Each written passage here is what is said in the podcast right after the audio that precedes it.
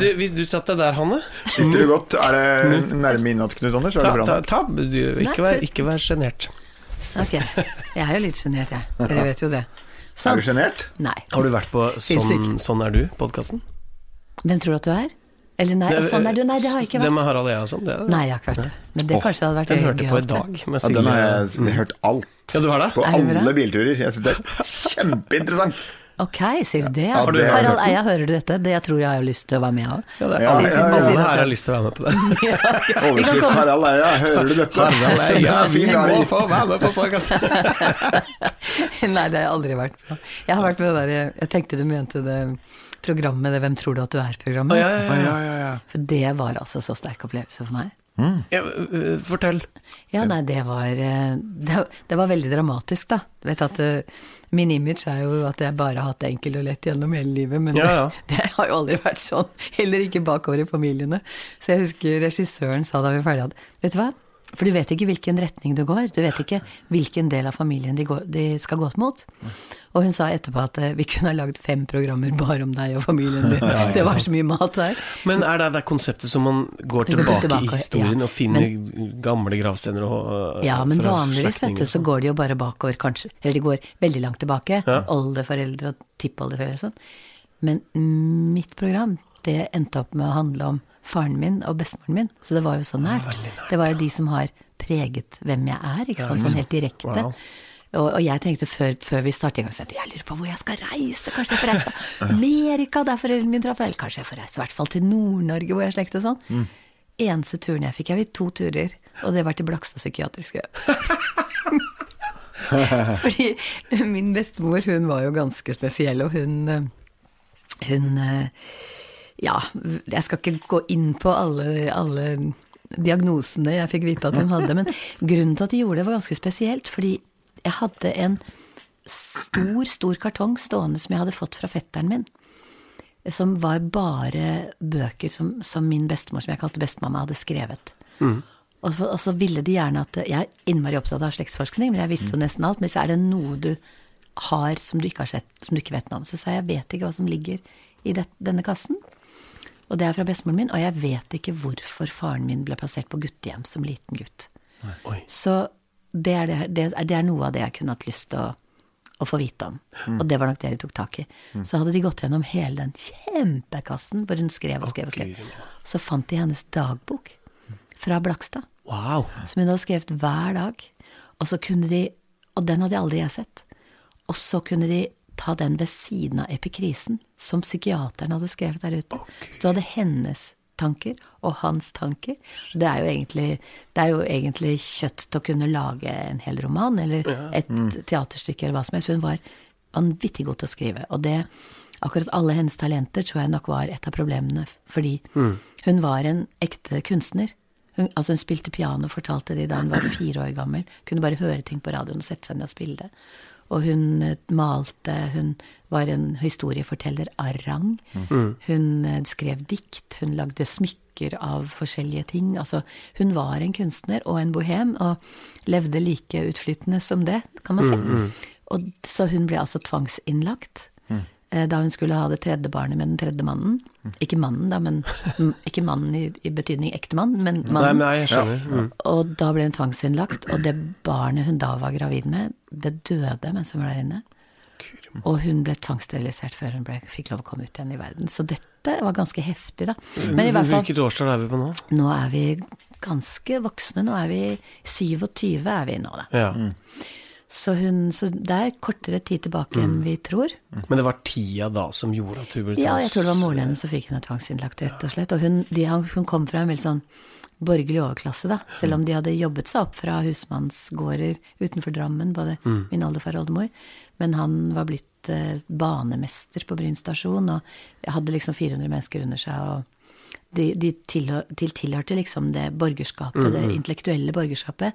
Sånn som broren til oldemoren min, hun, han var operasanger og hadde kong Oskar 2.s stipend, og det var liksom helt sånn. Men hun, og alt det hun kostet familien med alle de 13 barna, så gikk de helt konkurs til slutt. For den tiden var det jo Ja. Det kostet mye å være på, på samme søren, Dette blir en lang historie. Ja, ja. Men greia var at det var ekstremt dramatisk. Og to uker etter dette så ble jeg rett og slett lagt inn på sykehuset med feberkramper. Og ingen, jeg var der en hel uke. Altså helt vanvittige feberkramper. Jeg bare falt ut av sengen og sånn. Og de fant aldri noen ting. Og de sa dette må være rent psykosomatisk. Ja. For det var så Det var så dramatisk. Det var, så, det var ikke bare det, men det var hvordan de ble behandlet på det barnehjemmet faren min vokste opp Og plutselig så ble hele forklaringen tydelig for meg, for foreldrene mine ble skilt da jeg var liten. Faren min var en fantastisk mann når han var fantastisk, men han, han må jo ha hatt så mye angst i seg. Ikke sant? Han, han vokste opp i et barnehjem hvor, om ikke det skjedde med han, så med de andre hvor de ble pisket og slått og nesten ble som sant? Og så kom han på en sånn eliteskole for barnehjemsbarn hvor det var sånn kadaverdisiplin. Og så var han bare ute noen få år, og så ble han tatt for motstandsarbeid og satt på Grinis. Han hadde likt, vært i fengsel nesten hele livet. Det var ikke så rart han ikke skjønte det der med Det var ikke rart at det ble mye angst til slutt. Men han var superintelligent, fantastisk i idrett. Han hadde sjarm du kunne fylle på flaske, ikke sant. Og enda verre er det når det, blir, når det mennesket blir uforutsigbar. Ja. Så nå kom jeg endelig til poenget etter den lange historien. For etter dette så kunne jeg ha blitt ganske sånn dinglete og skjør. Ja, ja. Jeg ble så trygg. Ja, akkurat. Og jeg følte så sterkt fotfeste. For jeg tenker at nå skjønner jeg hvem jeg er. Jeg skjønner hvorfor jeg er som jeg er. Og jeg kom, for jeg er veldig lik dem òg, skjønner du. Jeg vet ikke, i hvert fall utseendemessig. Uh, og, og jeg kjente fy filler'n, jeg kommer fra sterke folk. Ja. Og folk Ja. som Ikke bare sterke folk, men spesielt bestemoren min. Folk som turte i en periode hvor sånt virkelig hadde konsekvenser, å tørre å være akkurat den du er. Og ikke gi seg for at folk sier at sånn skal ikke kvinner oppføre seg. Du vet, det taler jo til meg. Men vi tre som er artister, vi vet jo at du må jo Hvis du i hvert fall skal være For å kunne holde ut i denne bransjen her, så må du jo gro gjennom asfalten først. Ja, ja. Det er nesten bare folk som har grodd gjennom asfalten først, som i hvert fall er der mer enn i fem år av gangen. Ikke sant? Så må du ha noe å fortelle om. Ja, du må det. Og det har jo dere to. til alle- Men, men, men eh, du vokste opp med han? Faren? Faren? Faren min, og de første fem-seks årene så vokste jeg opp med moren og faren min, og med bestemoren min. Gamle Ja, bestemoren min. Så, så da forstår jeg når du sier at eh, de prega Ja, ja. eh, hvem du er, da. Ja, ja, veldig. Veldig. Og hun var ikke lett, hun, altså. Hun var jo helt gæren. Er det hun som heter Amalie? Det er henne, det er henne den sangen handler om. Ja, ikke sant? Ja. Men hun het Hjørdis, og det er så veldig lite sangbart. Hjørdis Krogh, du var helt Hun het jo ikke Krog, hun var jo aldri gift med Krog. Men du sa Men er ikke sånn i Amalie K, ja. Hun het Christiansen. Oh, ja, det het den så det er det du sier. Jeg har alltid tenkt Amalie, Amalie. Krogh Nei, Amalie K. Og han Amalie Christ K, ja. Christiansen, som var faren til um, tanten min, da. Ja. Han jobbet på sirkus, og han rømte fra henne til Amerika. ja, men min mormor het Hanna Amalie. Ja. ja, nettopp. Ja, så jeg tok det navnet, for det er, det er mer sang i Amalie enn i Hjørdis. Og så ga jeg henne også litt av min, min beste, altså mormors, eh, veldig gode Jeg egenskaper. skjønner. Ja, så den Amalie K-sangen, Ikke gi deg, jente, den er en slags en kombinasjon av de to bestemødrene. Altså, da må jeg skyte inn at når jeg var kjempeung, Ja. så skjedde noe.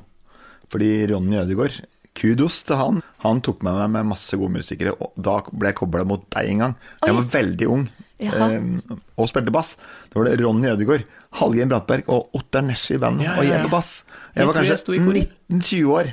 Ja. Det å spille den låta! Ja. Nei, gjorde Jeg det? tror jeg Ja, hadde adrenalin i fire dager. Nei, mener For det var liksom så, det Ja, ja. første Det var møtet med sånn diger bassforsterker og masse folk, og så var det du og Jeg tror det var Cornitia. Jeg var der, Ja, ja. ja, ja. Hans Espen, Hans Espen og meg sto i Ja. koret. Ja, var det ikke dere to? Var ikke Ingvild der også? Ingvild også? Ja, ja, i hoff. Ikke gi deg, jente, ikke gi deg, jente, ikke gi deg, jente. Ja, men gud. Ja, men den, var, så- den er så catchy. Ja, ja, er så veldig kult, altså. det. var første gangen jeg turte å, å gi ut en sang hvor jeg hadde skrevet melodi sjøl òg. Ja, du skriver den.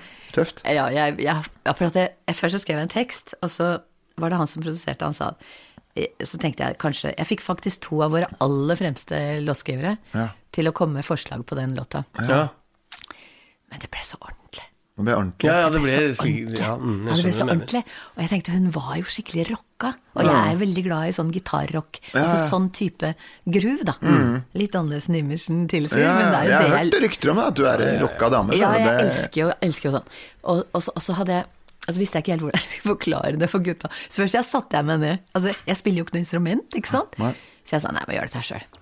Så jeg, jeg, jeg satte meg ned, jeg skrev en melodi i hodet mitt, og så satte jeg meg ned med en veldig god venn, som da, Ole Vidar, som da sa du må hjelpe meg med kordene. Ja. Så jeg sa er det den? Nei, det er ikke den. Er det den? Nei, den er litt grann mer hemmelig. Og den! Ja, den korden skal jeg ha! Jeg hører det mitt. Ja, for da hodet veit du hvem som du føler er helt Ja, ja, riktig, så liksom. vi lagde et kordskjema, og så tok jeg med det til gutta som skulle spille. Det var fantastisk band på den plata. Og så sa jeg dette her er kordskjema, og så vil jeg ha Så fant jeg fram en, eh, en låt som var Jonas Fjell-låt. Så jeg sa den grøven vi har i trommene. Ja. Og så, så jeg lagde det på en sånn litt annen måte. Ja. Og altså sier produsenten da at ja, men det går jo ikke opp. Altså andre halvdelen av verset her, det går jo ikke opp rytmisk. Så sier de gjør det vel. Det gjør vel det, jeg kan jo synge det, da går det jo da. Ja, Ja, ja, ja. det går det vel. riktig. Nei, han var veldig. Og så var det så gøy, for Knerten Kamfjord som spilte bass, Ja. da vi øvde gjennom låta første gang Det er så kul, den, den rytmikken det blir på andre delen av verset. Å, jeg var så stolt. Ja, ikke sant? Jeg var så sinnssykt stolt. Ja, ja, ja. Jeg skulle selvfølgelig ha lagd mange flere. Det er ikke mange låter jeg har skrevet. Jeg har skrevet vanvittig mye tekster. ja. Men, mm. men, så de, ja, men eh, jeg har liksom litt sånn der dårlig selvbilde på det. Og, og så er det jo sånn i dag at eh, musikere da, og produsenter og sånn, de syns jo liksom ikke egentlig at du skriver melodier, selv om du har en helt ferdig sang. For at du har ikke liksom Nei, men du, du spiller jo ikke noe instrument, du har ikke kordeklar, sier jeg. Er ikke det, Nei, det er ikke sånn. er ikke det arr, sier jeg da. Er ikke det ja, ja. da? Nei, nei, du har jo bare lagd en topline, sier gutta da. ja. Hæ? Okay. Det er jo en ferdig sang. Ja, ja, ja. Ja, så der er litt sånn diskusjoner. Men, men så gøy, tenk at dere var med, den var helt flunka i det da. Ja, ja. Det var, det var sånn 93 Det var nok såpass 93 kan det kanskje ha vært, for yes. Ja, det kan For vi var også på Lillehammer, på vinduet mot Lillehammer. På OL, eh, den OL-sendinga fra Lillehammer. ja, jeg var du med der òg, ja? Det var, Der- det, var det- det var var du med da? 94. Husker ikke. Det, Nei, for det var jo husker på fire- nyåret i 94. Ja, 94, ja, for det, denne låta kom Jeg spilte den inn i 92, Ja. eh, for, mens jeg var gravid med Amalie. Ja, ja, ja. Ehm, og så Og så fikk jeg Spellemann for den, faktisk. I 93, da, da, da det var Spellemannspris på Lillehammer. For da var Amalie Det var en veldig spesiell periode. Jeg hadde Hele den høsten var veldig spesiell. Fordi Trygve, mannen min, ble veldig syk. En måned etter at jeg var blitt gravid. Så da han kom hjem fra OL, han ledet, han ledet VGs delegasjon i OL. Og så kom han hjem og skjønte noe var gærent, og så fikk vi vite han hadde kreft. Okay. Så jeg gikk liksom Han ville ikke at noen skulle vite det, men det er så lenge siden at han sier det likevel. Så hele den høsten Først så lagde jeg jo en plate, og så var det jo full sånn I den tiden så fikk man jo faktisk komme på TV-er og reise rundt Ja, ja, ja. Og, og promotere nye plater. Det er jo liksom ikke så mye mulighet lenger til. Ikke på samme måten. Så jeg holdt på med det, da. Ble mer og mer gravid, ikke sant. Og smilte og smilte. Og, og så var det juleturné, og så var det Ikke sant, for jeg visste jo ikke om jeg hadde noen mann etter jul. Så, og så skal du smile, og så Å, guri meg, det var litt av en periode. Så, så var det en Så Amalie ble født, da. Hun ble født Det ble veldig dramatisk etter hvert. Så hun ble født en måned for tidlig, og ble lagt inn på prematuravdeling på Ullevål. Og samme dagen hun ble født, startet Trygve siste cellegiftkuren sin. Og så seks dager etter dette så kunne jeg reise, da, for hun lå jo på prematuravdelingen Ja, ja. til Lillehammer, hvor det var Spellemann. Og jeg duver ned, altså. Jeg er så institusjonalisert, og jeg har sett det på TV. Jeg har så svære klær på meg, og jeg ser ut som en ball som bare duver ned, og klarer ikke å slutte å snakke. Nei. Fordi jeg blir Jeg vet ikke om dere har vært det med meg når jeg er veldig sliten eller nervøs. Da snakker jeg på ut- og innpust hele tiden. Og det var faktisk en tidligere venninne av meg, for jeg har jo min utdannelse fra NRK. Jeg jobbet i NRK mange år og ville bli bildeprosent eller regissør, da. Ja. Og hun fortalte hun satt oppe i regi og ropte 'Nå må Anne slutte!' Nå må hun slutte å snakke! Jeg klarte ikke å slutte. Ja, på takketalen, Ja, på liksom. Ja, ja, takketalen, men vet det var ikke sånn musikk og sånn Nei, det var ikke sånn ennå. De, de klarte ikke å kutte meg, og så var, de visste jo at jeg nettopp hadde født og greier.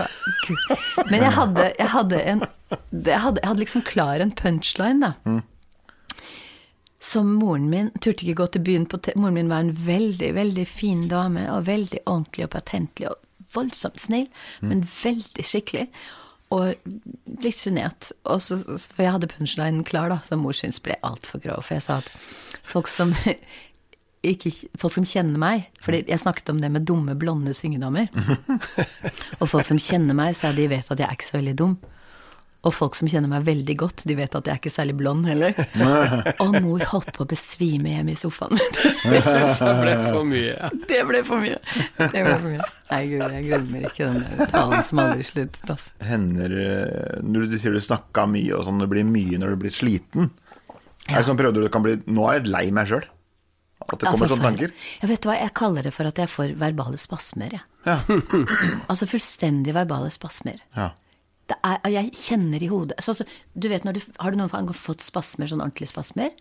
Det har jeg fått. Kanskje ikke men- ordentlig, Altså, altså. jeg fikk det, husker jeg, sammen med Torbjørn Ekland på, grunn, på vei til Minneapolis en gang. Jeg fikk så akutt flyskrekk, så armer og bein begynte å gå sånn helt Oi! av seg sjøl. Akkurat som, akkurat som TikTok-bevegelser. Ja, eller Titten Tei vil jeg kalle det, da. Jeg er, den, jeg, er mer den generasjonen som kaller det Titten Tei. Så, og, det, jeg, og hodet mitt var helt klart, men jeg klarte ikke å slutte det. Ikke Du klarer ikke, du har ingen kontroll. Og sånn blir jeg. Ja. Det, altså det er virkelig verbale spasmer. Mm. Og, og da legger jeg bare hele sjela mi på bordet, og sier, eller på gulvet, og sier 'bare tråkk på den, bare tråkk på den, bare tråkk på sjela mi, herren'. For jeg klar, klarer bare ikke å slutte, altså. Men det er når du blir sliten, sa du? Sliten eller veldig nervøs. Å, ja, ja. Så når jeg begynner å snakke sånn, så hvis datteren min er inne, så kommer hun bort så klapper hun meg på armen sier 'mamma, er du veldig sliten nå?' Andre mennesker. Og da bare ruller det og ruller det bare og bare. går. Mm. Så da vet dere det neste gang jeg snakker hull i hodet på dere. Da skal jeg bare si 'Hanne, Pust det går så fint'. Slapp av, Hanne, vi er glad i deg. Det går bra. Når jeg er litt sånn oversliten, hvis du har vært på sånne spilleturer, turné, lite søvn Da blir jeg Jeg kan tenke at jeg sjøl er slitsom også, men jeg blir veldig morsom.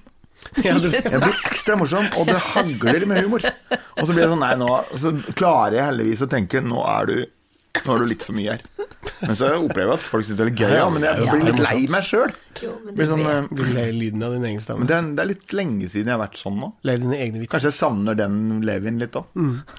Jeg føler at det for min del er sånn Hvis jeg liksom ja, er i en modus, så enten så Enten så går tanka rundt i huet Ja. og bare blir det, eller så bare går de rundt i huet og går ut munnen. Ja, Mm. De går ikke innom liksom- hodet engang, tror Nei, jeg. nei, nei, ja, ja, ja, nei for, ja, for min del så blir det sånn det bare, nå, nå er du i en sånn modus at du bare prater alt du tenker. Ja. Det er ikke så veldig ofte, men jeg tror folk blir liksom kikker litt sånn rart bort på meg. Hva er det som foregår her nå? Jeg Ja. kommer i sånn prate alt jeg tenker-modus. Ja, men Så deilig at du sier at du har det sånn òg, for jeg, Ja, jeg blir så, så sliten av meg selv, jeg. Jeg tenker Hanne Krogh, ta deg sammen. Ja, for, mm, altså, blir litt sånn skamfull etterpå. Absolutt. Jeg kan ha ordentlig sånn våkenetter. Jeg er nesten som sånn fylleangst. Ja, fordi du har prata om det? Så du går gjennom ting og Ja, ja, jeg var det? Altså, det er akkurat som jeg får altså, Venninnen min som er lege, hun sier du burde ikke ha noe sånn beroligende tabletter i vesken, da, så du kan ta en når du setter Jeg sier det er litt drøyt. Det tror jeg ikke. Men det er nesten sånn. Men det jo Det var morsomt, jeg leste en gang sånn hva er det, sånn norsk biografisk leksikon, eller hva det er, for noe, som en som har skrevet om, som faktisk ikke kjente meg. Men han skrev at hun, kom, altså, han skrev om meg da Hun kommer deg i en måte som en glad verbal vøringsfoss. Og det, det står i leksikon. I leksikon! leksikon. Hanne Krogh kommer mot deg som en glad verbal Ja, ja. Oi, oi, Jeg kjente at jeg rødma da jeg leste det første gang, men nå syns jeg det er veldig morsomt. Det er nydelig. Jeg tenker jeg er så slitsom. Ja ja, men han skrev veldig positivt da. Det var, grunnen, det var veldig morsomt faktisk, for det er en av de få sånne tingene jeg har lest av meg selv, hvor jeg føler at dette handler jo faktisk om meg. Ja, nei, det var, det var, jeg tenkte hvordan har han klart å se meg så godt? Ja, ja, ja. Du, har gjort ekstremt mye kule ting sånn musikalskt. Har jeg? Hva? Ja, du har jo det. Har i du mye gjort mye- spennende. mye gøy. Mm. Ja, ja. Hva, hva, har du noe som, liksom du, som du Sånne ting du ikke har gjort, og som du drømmer om her du sitter akkurat nå, Anne? Akkurat nå har jeg så mye gærne planer i huet har det? Ja, du aner ikke, for nå har jeg bare bestemt meg for at jeg eh, Jeg er voksen, vet du, så jeg må skynde meg å få gjort det jeg ikke har gjort. Men det som Du kan si at det kan jo se veldig litt sånn schizofren ut, nesten, den karrieren min. Men det eneste som, hvis man ser enda litt nøyere etter, egentlig er den røde tråden, Ja. det er livet mitt. Ja, ikke sant? For det viktigste for meg når jeg skal formidle noe til andre mennesker, er at det må være sant. Det må være sant. Og man går jo gjennom forskjellige faser i livet. Så du kan si at når, når jeg hadde fått Amalie, da, på midten av 90-tallet, så lager jeg barneplate. Da lagde jeg Ja, ja, ikke sant. barneplata mi. For da har jeg ligget på sykehuset veldig lenge og tenkt Og da leste jeg Ove Røsbachs bok om Alf Prøysen, og tenkte hvordan skal jeg formidle Prøysens barnesanger. Og Prøysens barnesanger, dere gutta som har ordentlig dialekt, det kan man synge selv om man snakker Oslo-dialekt. For det er ikke skrevet på dialekt. Nei. Det er skrevet på helt sånn normalspråk som vi andre snakker. ja, ja. Så det har jeg liksom frimodighet til å gjøre. Ja. Og fikk jo med meg Pete Knutsen. Så det gjorde jeg da. Så to år etter det så skjedde det forferdelig i familien min at søsteren min mistet den eldste sønnen sin i en ulykke. Så den platen som da kommer, er selvfølgelig en veldig alvorlig plate. Og mye ja. mer sånn For det, jeg kan ikke da Da kan ikke jeg Da hadde ikke jeg kunnet vært på Bobby Socks-tur. Nei, ikke sant. Men, men det jeg syns er morsomst For å se liksom For gjennom hele min karriere så har så å si alt jeg har gjort, mm. alle mine produksjoner, alle mine konsepter, det har startet hos meg, i mitt hode. ja, ikke sant. Sånn uh, Bobby Socks, hva som helst, det har liksom startet i hodet mitt. Mm. for, for jeg syns at den prosessen fra idé til virkeliggjørelse, det er den spennende delen av prosessen. Jeg er nesten ferdig med det. Når jeg har gjort det ferdig, så tenkte jeg ok, det var gøy. Går det an å åpne den døra, mon tro? Hva kan vi gjøre der? Men det må være sant, og det må være ujålete. Ja. Jeg liker ikke noe form for jåleri, verken musikalsk jåleri eller intellektuelt jåleri eller Og jeg har sagt mange ganger at for meg så er det du, Ikke sant, folk flirer av Bobby Socks sier dette er enkelt. For det første er det ikke enkelt. Det er faktisk ganske vanskelig mye av det Bobby Socks gjorde. Musikalsk sett det er kjempevanskelig. Uh, og det måtte en Rolf Løvland til for å lage en sang som folk Ja. tror er så enkel som La det svinge, ikke sant. Men hva var det jeg egentlig skulle si nå? Nå rota jeg meg ut et eller annet sted. Men, men ja, jeg sier at det er faktisk skal større mot til uh, å gå ut på en scene og synge 'La det svinge, la det rock'n'roll' med full overbevisning. enn- det er mye modigere det enn å gjemme seg bak intellektuelt angri uangripelige ja, ikke sant. ja, for da er du liksom Da er du safe, da. Og jeg, jeg, blir veldig jeg syns det er veldig interessant når, når det står at folk som tør å være sinte, eller tør å liksom være veldig intellektuelt høyverdige Jeg ser på meg selv som absolutt et menneske som er nesten bare venstre hjernehalvdel. Så det, er- jeg kan godt følge dem i intellektuelle diskusjoner. Men det er, det er safe. Da er du egentlig trygg. Ja. Og det er, ikke der, det er ikke det som er det store motet. Nei. Det er å tørre å gjøre det andre. Det er baklengs. Det er baklengs. Det er sånn. Og det irriterer meg av og til. Men det nå, da. Det viktigste for oss nå i vår bransje, det er jo å overleve denne tiden. Og gjøre ting som folk Så folk husker deg når, når disse Når disse månedene forhåpentligvis eh, er forbi. Og vi vet ikke hvor lenge det varer. Kanskje det varer helt ut neste år. Det er store muligheter for det. Så, så jeg prøver å finne på ting som, som gjør at eh, Og nå snakker jeg ikke om å overleve økonomisk og sånt, for det, det er jo stor nok utfordring for oss alle. Men det å holde deg På en måte at folk husker deg når vi kommer ut igjen. Eh, så det er det. Så mye av det kan jeg ikke fortelle om. Men, men jeg har annet sagt ja for første gang i mitt liv til å gjøre et skikkelig one woman-show. Som jeg skal gjøre neste år. Så nå har vi hatt audition på de danserne og sangerne som skal være på det. Ja, Ja, det blir, det blir. Vet Knut Anders, du har jo vært Ja, nå har jeg faktisk Nå har du lov. Ja, nå gjør jeg det, altså. For det har jeg ikke gjort. For jeg har jo Gøy, alltid hvor hen da? Jeg er på Edderkoppen. Ja, så bra. Ja, du blir så moro. Og fått med fire fa Ja, faktisk. Å, så og fire fantastiske sangere og dansere, Oi, og et supert Åh. band. Og det skal være muntert, og det skal være gøy, og det skal være full guffe, og jeg må begynne å trene for fullt! Men jeg gleder meg sånn, så vi har hatt ferdig audition, vi har tatt coverbilde allerede et år i forveien, altså jeg er ikke vant til det. Men du vet at nesten hele min karriere, i hvert fall den karrieren dere har vært levende mens jeg har holdt på, så har jo jeg alltid nesten jobbet med andre mennesker, for jeg syns det er så gøy med flinke folk. Og så blir jeg av og til så forferdelig lei av Hanne Krogh. så jeg tenker, så jeg har liksom jobbet og, og prøver, har prøvd å løfte folk som ikke kanskje har vært kjent og sånn. Jeg syns det er Det kjempegøy. er du god på. Jo, takk, det er hyggelig at du sier. Men det er bare fordi jeg syns det er gøy. Og så er jeg ikke noe redd for det, at folk er flinkere enn meg. Fordi at uh, Nei. Det gjør ikke meg dårlig at folk er flinke. Jeg, sier, jeg har sagt det, fleipa med det noen ganger, sagt at jeg brukte mange år på å skjønne at jeg var en dårlig Tina Turner. Jeg er den aller, jeg er den aller beste Hanne Krogh som fins, for jeg er den eneste jeg vet om. Altså, jeg kan ikke være annet enn Hanne Krogh. Og det er meg. Og om folk kan ting jeg ikke kan, så er det bare gøy. Det vet jo vi Nesten første gang vi traff hverandre, så hadde vi en diskusjon på dette her. At man er ikke For dere var jo kjempegode på den jobben vi skulle gjøre. Jeg vil Ja, at, jeg vil det- at vi, vi profesjonelle artistene, eller profesjonelle, vi gamle folka i bransjen skulle kore dere. Ja, ja. Mens de andre ikke var så veldig kine på det. Jeg sa, men i all verden! I all verden! Vi er jo kollegaer! Selv om vi er kjente, og de ikke er en- kjente ennå. Og det var? Så var det jo liksom Det var var jo to av landets beste jo korister som sto bak oss. Meg Ja, ja, det er en av få korjobber jeg har gjort. Ikke sant? Var på Grand Prix-cruise Ja, på Stena Saga, danskebåten. Var- skulle være i Grand Prix i Danmark akkurat da. Men, Mm. Ja. men eh, det, var, det var en rar opplevelse. Men i hvert fall, jeg syns det har vært gøy. Men nå tenkte jeg at det å bare lage et svært show rundt meg, det har jeg faktisk aldri gjort. Nei. Jeg har gjort masse egne konserter, men ikke med sånn raktakakaka. Ikke Her den greia Ja, ja, ja. rundt det, liksom. Det der tror jeg kommer til å bli så populært. ja, det og dere- knallbra. Det skal jeg se, det. Oh, ja. Oh, yes. Nei, så morsomt. Så morsomt. Kommer du med en jeg vil drikke Prosecco. Nesten så jeg kan spandere det på dere. Skli på rosa bananskall, var det jeg sa. Ja, skriv på rosa Får du ha deg i lobbyen der. Nei, jeg har tenkt nei, det er veldig mye gøy. Jeg, jeg gleder meg innmari til det, og så gruer jeg meg litt. Og så tenker jeg ja, men det blir moro. Jo, men man skal Så det har jeg grue seg litt gjort til er sånn, sånn ting, da. Og så har jeg veldig lyst Jeg har masse, masse planer nå. Jeg har andre planer, TV-planer og sånn, som jeg må fortelle om en annen gang, men jeg, jeg har også en sånn drøm. For at jeg, jeg gikk jo gjennom Jeg hadde jo noe kjempetrøbbel med stemmen min for noen år siden. Jeg holdt på å dø, faktisk, midt under en konsert.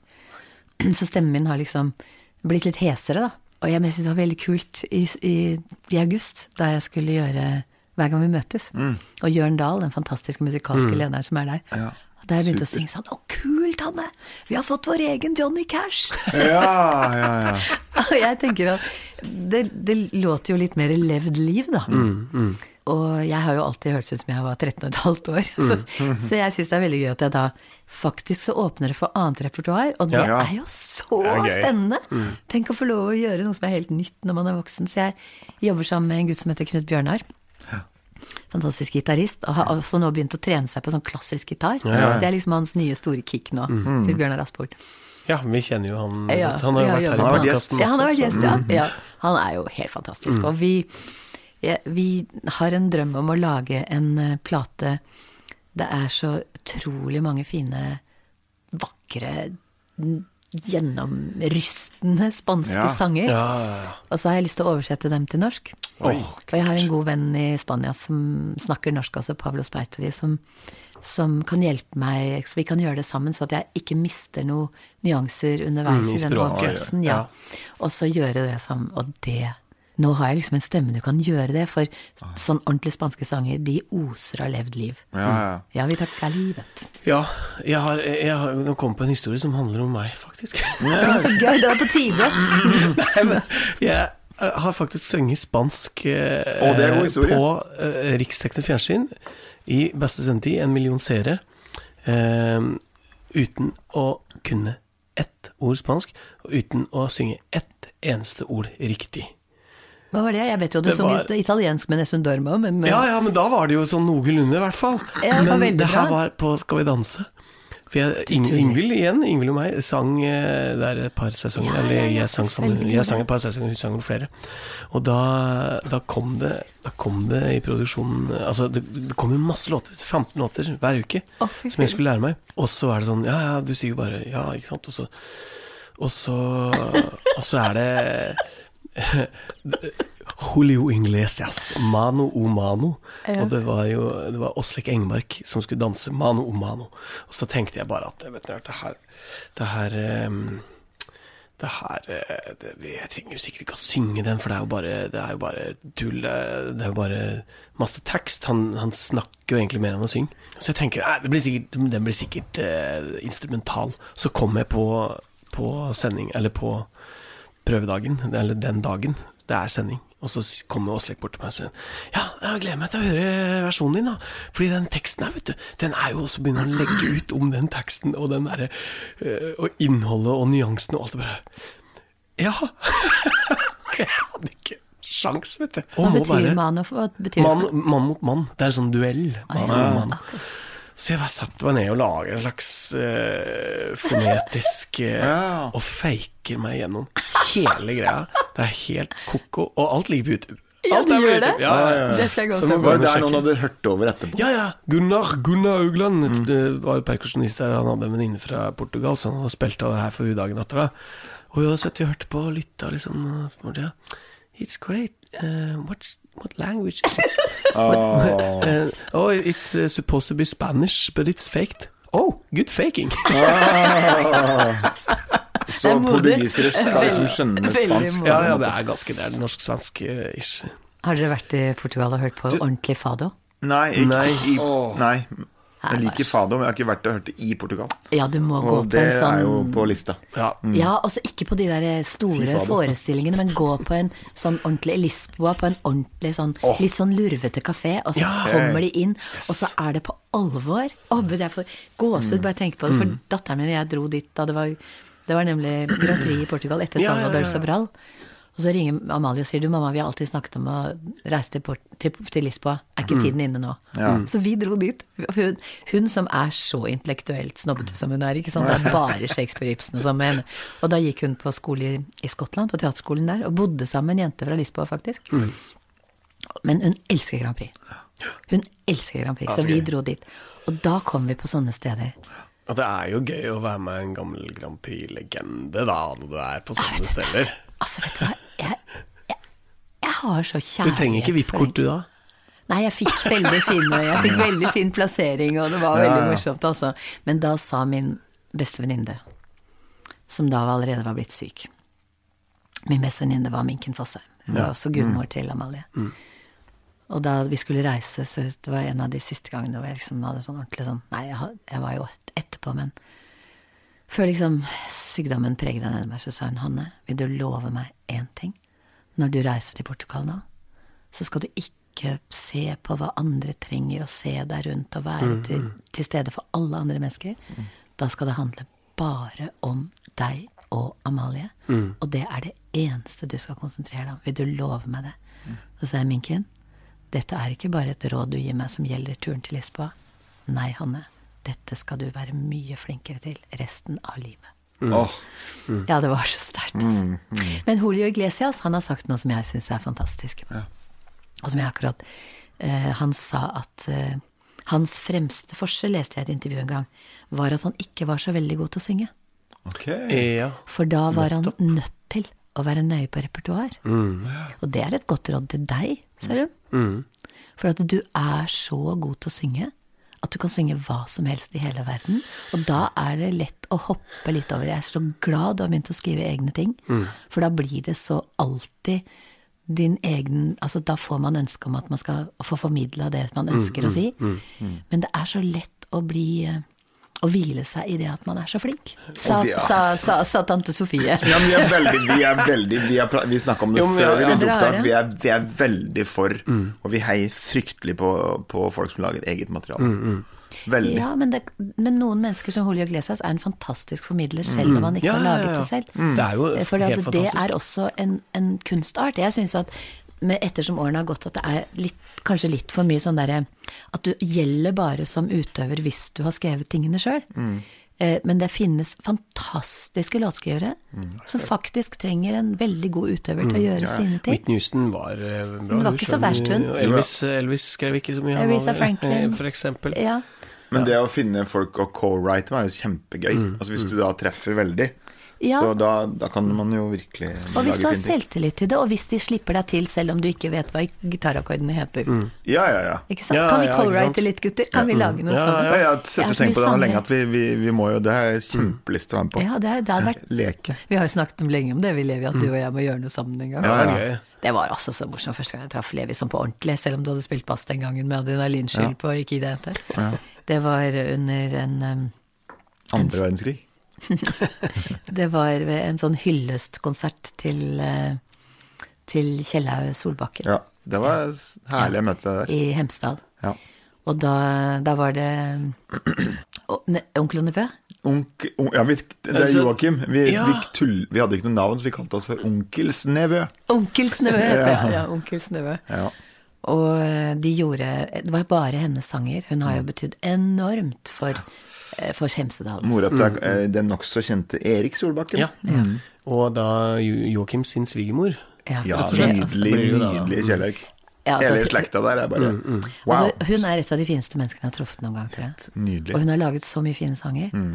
Og dette skulle handle om Og de hadde gjort så fine arrangementer. De hadde fått de største arrangørene i landet til å komme. Og, og da gjorde Onkels nevø Mm. De spilte en påskesang som het Han har stått opp, i så rocka Altså, Å, kult. jeg, jeg, hver gang jeg tenker på det, Levi, så får jeg altså så gåsehud. Han så herlig høre. Han har stått opp! Ja, ja det, var, det, var, det var råkult, altså. Ja, det husker var- jeg vi traff ordentlig der, altså. Ja, så Ja, det- Jeg har spilt den inn, der det det? Nå tror jeg den Ja, det ligger ute. på- Ja, så den, det- Og så liker jeg den som jeg og Joakim sang eh, 'Størst av valgt er kjærlighet, Ja. kjærligheten'. Er ikke den nydelig? Størst av alt er kjærleiken, da, på nynorsk. Ja, Ja, Den syns jeg versjonen av synes jeg ble På samme ordentlig konsert. fin. Den låta skulle jeg likt å høre du, du synge. Det har jeg tenkt også at jeg kunne hatt lyst til å gjort. Det er altså så vakkert, det hun har gjort. Og da tenkte jeg jeg vil leke med han, jeg vil leke med han, jeg vil leke Ja, med nei, men han. det, det, det må skje, og vi har jo prata på det. Ja. Et par ganger i livet så har du kanskje bare sagt et par setninger til meg. Som har poppa ut fra deg. Ja. Som har gått lagt seg på et veldig dypt sted i min eh, hjerterot. Hm. Så det er akkurat som du har tatt inn noe. Er du en sånn en? Ja, siden dette bare er en podkast. Ja, jeg, jeg tror jeg har litt sånn mottaker Mm. for folk. Jeg tror kanskje jeg, jeg tror ikke det er noe sånn overnaturlig i det. Jeg Det er ikke noe det Lilly Bendriss i Hva sa du? eller- Lilly Bendriss i det, eller Nei, det er ikke så mye av det, og jeg kommer jo aldri til å snakke om det i andre sammenhenger, men jeg har litt sånn mottaker, det har jeg Det vet jeg jo jeg har. Jeg har jo alltid mm, fått vite hvis noen nær meg har gått bort, f.eks. Mm. Da mormoren min døde, var jeg tolv. Da sa jeg til venninnen min nå døde mormoren min, hun hadde ikke vært noe syk.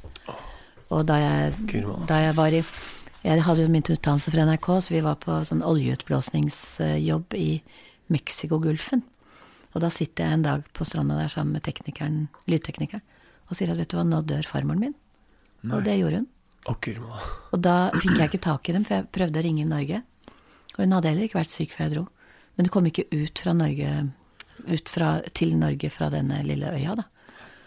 Og da, to dager etterpå så kom vi til Mexico City, og da ringte jeg hjem til mannen min. Og så sier Trygve å guri, vi har prøvd å få tak i deg via ambassader og alt. Ja, så jeg, jeg regnet, med det, så jeg, for bestemamma jeg vet at bestemamma er død. Ja, sier Trygve, har du snakket med Haugesund? Nei, jeg har ikke snakket med noen. Jeg bare vet at det har skjedd. Malla. Så, så det har skjedd meg, så det, og veldig mange sånne rare, litt sånn store ting. Men Og så har jeg tenkt eh, Jeg tror jo at dette bare er noe vi foreløpig ikke har plassert. Altså at Ja. vitenskapen har ikke funnet ut hva det er. For det er en form for, for eh, energioverføring som uh, hvis man jeg har ikke lest mye kvantefysikk, men av det lille kvantefysikk jeg har lest, så, så forstår man jo at hvis man går på helt sånn dypeste plan, så er det overføring. Ikke sant? Så, så, så opp, opphører materien å stenge, det rett og slett bare åpner. Da. Sånn at det, det er et eller annet der menneskeheten bare ikke, bare ikke har klart de visste jo ikke at det fantes noe som het allergi før på 50-tallet, men det er, vi er jo stadig i utvikling. Og jeg tror det handler om det. Og jeg, tenkt, jeg tror det også er kanskje den delen, det med å ta imot uutsagte signaler og svare på det. Det er nok det jeg tror folk opplever når jeg står på scenen. Um, og som kanskje for, for hvis jeg har en fin dag, så jeg bare Jeg får bare energien fra publikum. Og så går det bare gjennom meg, og så bare blir jeg en katalysator for folks egne tanker og ønsker. Og jeg tror kanskje at det er en av grunnene til at jeg har overlevd så lenge som artist som jeg har. Ja, For jeg syns jo først jeg, jeg, jeg begynner å eksistere som artist først ute på scenen, i et møte med publikum. Da er da jeg Og det er det jeg syns synes at er- jeg er god sjøl. Hvordan gjør man det der, på en måte? Hvis du skulle Hvis du eksempel en ung artist, eh, fire, mann 44 år, ikke så ung Du, hvordan gjør man sånn formidling? Ja, nei, ja, ja, ja ikke sant? Nei, men altså, Nei, men altså, altså Vet du hva du gjør? Du tror på det. mm, Ja. Du tror på det. Og så, og så, og så åpner det opp for det, rett og slett. For jeg har tenkt Jeg vet ikke hva som kom først av høna eller egget. Nei. Er det fordi at man står der og aldri får noe uutsagt? For det er derfor folk tror at du står på scenen pga. applaus. Nei, nei, det har jeg aldri gjort. Nei, Aldri jeg heller. Og så sier ja, ja, alle er artister for de behøver Å, bekreftelse. gud malla. Bullshit, altså. Det er, det er bullshit. Det er så dumt. Det er så dumt. For meg så er det det, for det første det eneste stedet jeg føler meg trygg. Jeg føler meg helt trygg. Eh, er jeg, jeg skrev en gang en tekst som heter Jeg har ikke gjort den ferdig, den sangen. Kanskje vi skal gjøre ferdig den sangen? Den heter 'Gi meg en spotlight og gjemme meg i'. Ja, det går sånn. Veldig godt poeng. Gi meg en spot Det høres ut som en kontradiksjon, ikke sant? Som, Ja, ja. selvmotsigelse. Gi meg en spotlight å gjemme meg i. Hit når ikke sorgen inn. Her kan jeg synge og danse og le, og ingen kan komme helt nær for å se. My home is my castle. Nei, takk for det. At scenen er borgen min. Det er samme selvmotsigelsen som du snakket om i stad, altså, altså, altså, i forhold til å gå på scenen og gjøre La det svinge, Ja, mm. og, og gjemme seg bak.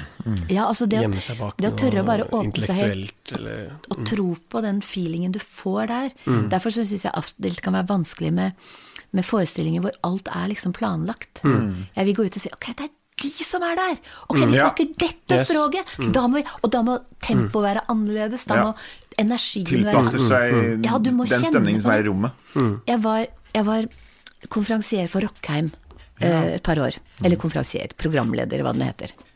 Leder! altså. Ja, for Rockheim. Og da intervjuet vi jo alle artistene i forkant. Og da husker jeg at en veldig, veldig stor artist som sier at eh, til manageren sin, som de hadde med seg, hadde med seg for å for å liksom Når vi, når vi bare var forhåndsintervju. Ja, husker du den gangen da vi turte å gjøre et helt nytt arr på den og den låta? Og dette er, var et menneske som var innenfor rockesjangeren. Og jeg husker jeg ble sittende, jeg fikk ikke med meg de neste setningene. For jeg tenkte hva? Er ikke det noe som skjer hver eneste gang? At man, når man står live, at liksom Nei, i dag ble det sånn, gitt. Ja, ja, For i dag var det de som var der. Ja, ja. Du snakker jo tysk i Tyskland og engelsk i England, ikke sant. Det er litt sånn. Ja, ja. Det er jo de, ok.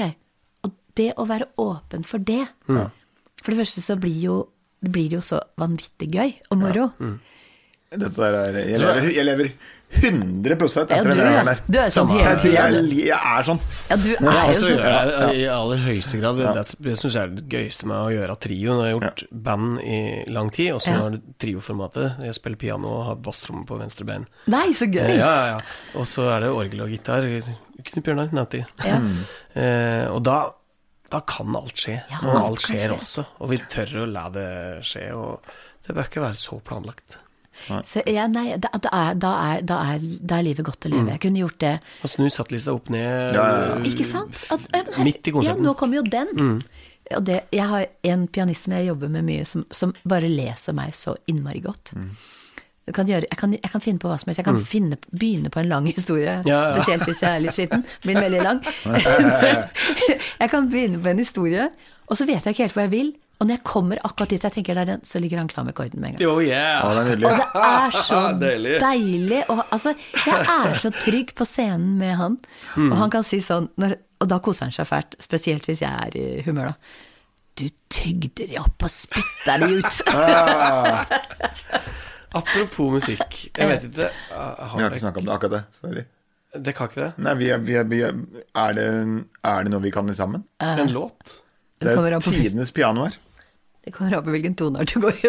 Ja, ja, altså hva som, hva som er Hvis, hvis, hvis, Vi du kan har spille et, begge for deg. hvis du har et bidrag musikalsk som man føler at Hva skulle det vært, liksom? Ja, ikke sant? Noe man kan Hva som helst. Ja. Er du på? Kom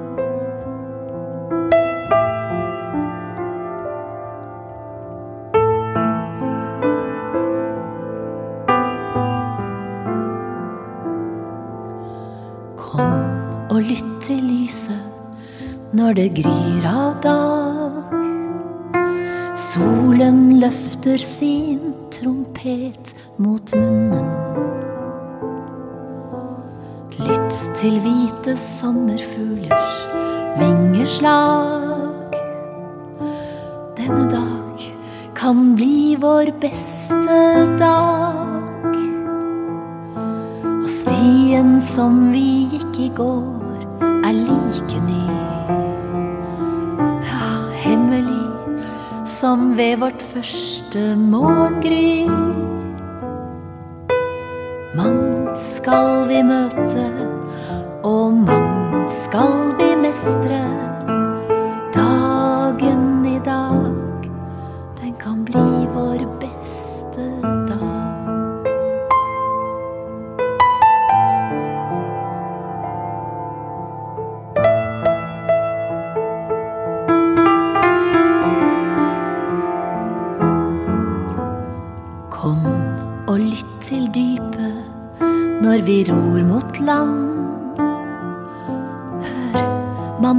Maneten stemmer sine strenger.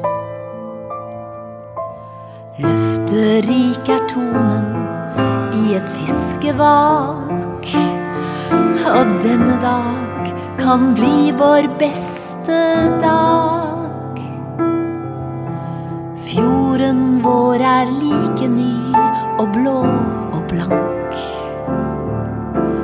Blikket ditt er fritt og ryggen like rank.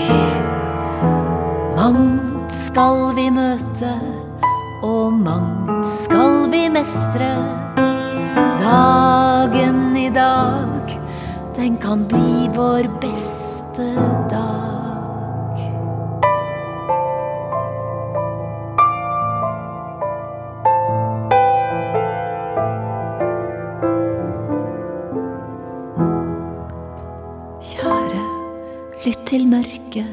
Når vår dag er gått. Natten nynner over fjerne åser. Mangt har dagen skjenket oss av stort og smått. Ja, mer kan hende enn vi har forstått. Månen over tun og tak er like ny. Stille om vårt neste morgengry. Mangt skal vi møte, og mangt skal vi mestre. Og dagen i morgen skal bli vår beste dag.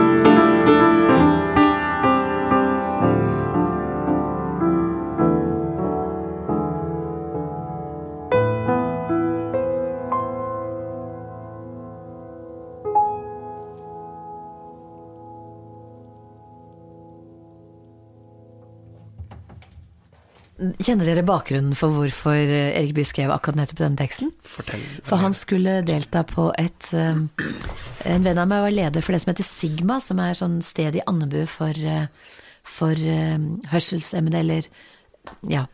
Så Erik skulle komme dit og gjøre noe. Og så, sa han, tenkte, så skrev han altså en tekst som handler om alle lydene ingen kan høre. Ja. Kom og lytt til lyset når det gryr av dag. Hør Ja, ja, ja. Solen løfter sin trompet mot munnen. Lytt til hvite sommerfuglers vingeslag. Altså alt dette. Ja. Det er jo så vakkert. Og så var det en som jobbet der ute, som skrev melodien til. Som jeg burde huske hva heter, og som jeg ikke husker akkurat i farta. Så det er, det er Og når man vet det i den teksten, Ja, ja. så bare åpner hele det landskapet seg så veldig. Det her var, det her var sterkt, rett og slett. Kan vi ikke lage en Altså, jeg har jo ikke jeg, jeg, Kanskje jeg, jeg tror jeg har spilt gitar på den, men jeg har ikke faktisk ikke før nå, så jeg nesten, tror ikke jeg nesten spilt du piano Du lagde jo alternative ting, og det var jo ja, ja. så kult, altså. Når du gjør alternative ting, så, så, så plutselig så lytter man på en annen måte, så hører man. Jeg, tilbake til Hemsedal på den konserten. Ja. For da fikk jeg lov til å sitte nede i salen og høre på deg i en god avdeling der. Da ble jeg bare sånn eh, Nok en gang bare sånn der wow! Mm. Og du drev og sa at du hadde noe grisling i halsen og noe før Jeg var konsertene. ikke- jeg var ikke god da. Mm. Jeg tenkte, ja, jeg tenkte ikke at jeg tenkte ikke, Det var ikke inne hodet mitt. For du bare, det var en maktdemonstrasjon. Både med sang og med selvfølgelig når du forteller, så er det bare film. Du ruller opp, liksom. Mm, Du ser det for jeg, jeg går rett inn i det du sier. Det tar liksom ett og et halvt sekund, Mm. så, så jeg ser jeg egentlig på en film. Fordi du forteller så utrolig levende. Ja. Så det, det er så forbilde at eh, Oi, tusen millioner takk. Ja, jeg men det mener trenger litt Nei, tusen, tusen, Bare nå du setter i gang og synger nå, Mm, ja, det er helt du, fantastisk. du fanger det med Ja, én gang. Så du, du Men det er levd liv, det du sa. Det er levd liv. Og, og det, har, det har du Du sa du har det i stamma di. Og jeg har et spørsmål. Eh, I stad så sa du at du tenkte nye muligheter fordi du har hatt stammeproblemer og, og fått en skurr, eller hva du sa. Og så tenkte du men nå kan jeg gjøre andre ting. Jeg tenker, Er det et eh, karaktertrekk ved Hanne Krogh? At du tenker sånn? Når, når ting butter, så tenker du ja, men da gir det muligheter. Ja, først, først så tror jeg kanskje at jeg er flink til å akseptere situasjoner. Altså sitter jeg i kø, så sitter ikke jeg og irriterer meg ved jeg sitter i kø. Da bare sitter jeg i kø. Ja. Og sier sånn er det dette. Altså det å ikke, ikke konsentrere kreftene sine rundt det man ikke kan gjøre noe med. Og akkurat dette kan, kunne jeg ikke lenger gjøre noe med. Nei, ikke sant? Og da ser jeg etter andre hva, hvilke fordeler ligger i dette. Ja, kanskje det er et karaktertrekk, faktisk. For det, Ja, jeg har jo litt sånn annerledes liv enn det folk kanskje tror at jeg har hatt. Um, sånn at jeg jeg har måttet løse problemer opp igjennom. Og da tror jeg akkurat det med å si at ok, dette kan ikke jeg gjøre noe med, men hva kan jeg bruke dette til? Yes. Og det, og, og det å alltid synes at ting er spennende. For jeg begynner jo å bli en voksen dame. Men jeg, jeg har en, et sånt livsmotto som sier at hvis man fortsetter å tenke nye tanker, så blir man aldri gammel. Man kan, man kan ha mange år i den der forferdelige parentesen som man får i alle avisene. Jeg får sånn sjokk hver gang jeg ser de tallene som står i den parentesen. Men jeg kjenner tolv år gamle kjerringer, og jeg kjenner 90 år gamle tenåringer. Det kommer bare an på om de fortsetter å tenke nye tanker. Jeg skrev på Instagram her en dag at eh, jeg hadde lært av moren min å løpe, å løpe fort og se glad ut. Da, da kommer du deg ut av det meste, Hanne. Og det kan jo høres ut som en overfladisk livsform, livsform, men det handler noe om å faktisk prøve å se lys istedenfor mørke. Ja. Og det trenger vi å vite akkurat i denne tiden her. Og si at ok, nå står vi i kø. Vi står i en fryktelig lang kø akkurat nå. Men vi får prøve å tenke at hva, hvilke tanker har jeg da tid til å tenke i denne tiden, mens jeg står i denne køen? Mm. Altså, jeg skal ikke kimse av det, for det er utrolig mange mennesker som er i så vanskelig situasjon. Ja. Ikke sant? Og vi, tross alt, som kan få lov å holde på med musikken vår, og til og med bare vi tre når vi sitter sammen og kan sitte og holde på og, og fylle det med noe som er meningsfullt for oss, og kanskje også klarer oss gjennom rent sånn økonomisk i denne perioden. Men mennesker som blir For jeg tror mennesker har en grunnleggende lengsel i seg. Det er lengselen To ting er det mest grunnleggende mennesker. Det er lengselen etter å bli sett, og så er det lengselen etter å bli behøvd. Ja. Og i denne tiden hvor så mange mennesker blir fratatt muligheten til å føle at de trengs i samfunnet, fordi det lukker den ene jobben etter den andre, det tror jeg er kan ha utrolige skadevirkninger. Ja. Og det er grunnen til at eh, samfunnet først og fremst bør sette inn ressursene i å la folk få fortsette å føle seg behøvd. Mm. Jeg har syns jeg har sett litt for mye mørke rundt om nå om dagen, altså. Det er litt, litt skremmende mye. Folk man møter på, og så prøver man liksom å Og så er det jo noen som bare sitter dessverre fast i noe, da. Så prøver man å komme med en setning etter ja, men har du prøvd å som noen sier, zoome litt ut i, hvordan, i hvordan livet ditt er akkurat nå. Ja, men jeg klarer ikke det. Men Jeg, jeg sitter bom fast. Det er jo hvor vi, klarer, hvor vi setter fotfestet vårt, ikke sant. Og noen finner fotfeste i sorg og, og også såpass mye som depresjon, fordi at de da føler de at ingenting kan komme. De er så redde at hvis de bare tar bolig der, så kan de ikke bli overrasket over det, i hvert fall. Ikke sant.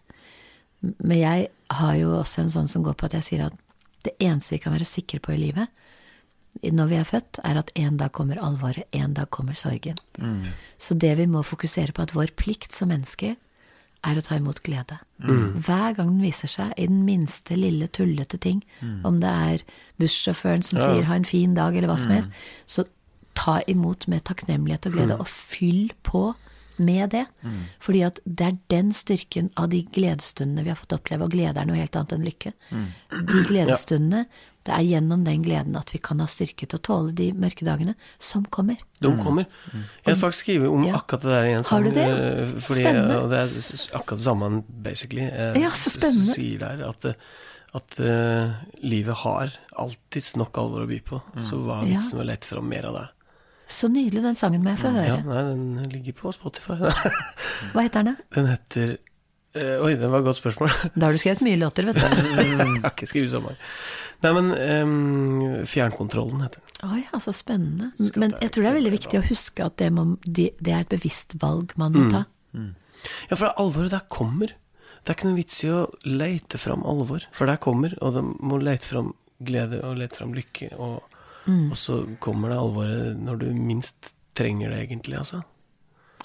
Ja, Men skal man gå Jeg kan, hvis litt personlig, så kan jeg kan tidvis gå og være litt redd for i, Hvis det er noen perioder som er skikkelig bra, da kan jeg begynne å hente sånne tanker. Gjør det? Ja, jeg kan tenke sånn at hva, hva er det neste vonde som skal skje i livet mitt? Mm. Og den tanken liker jeg ikke.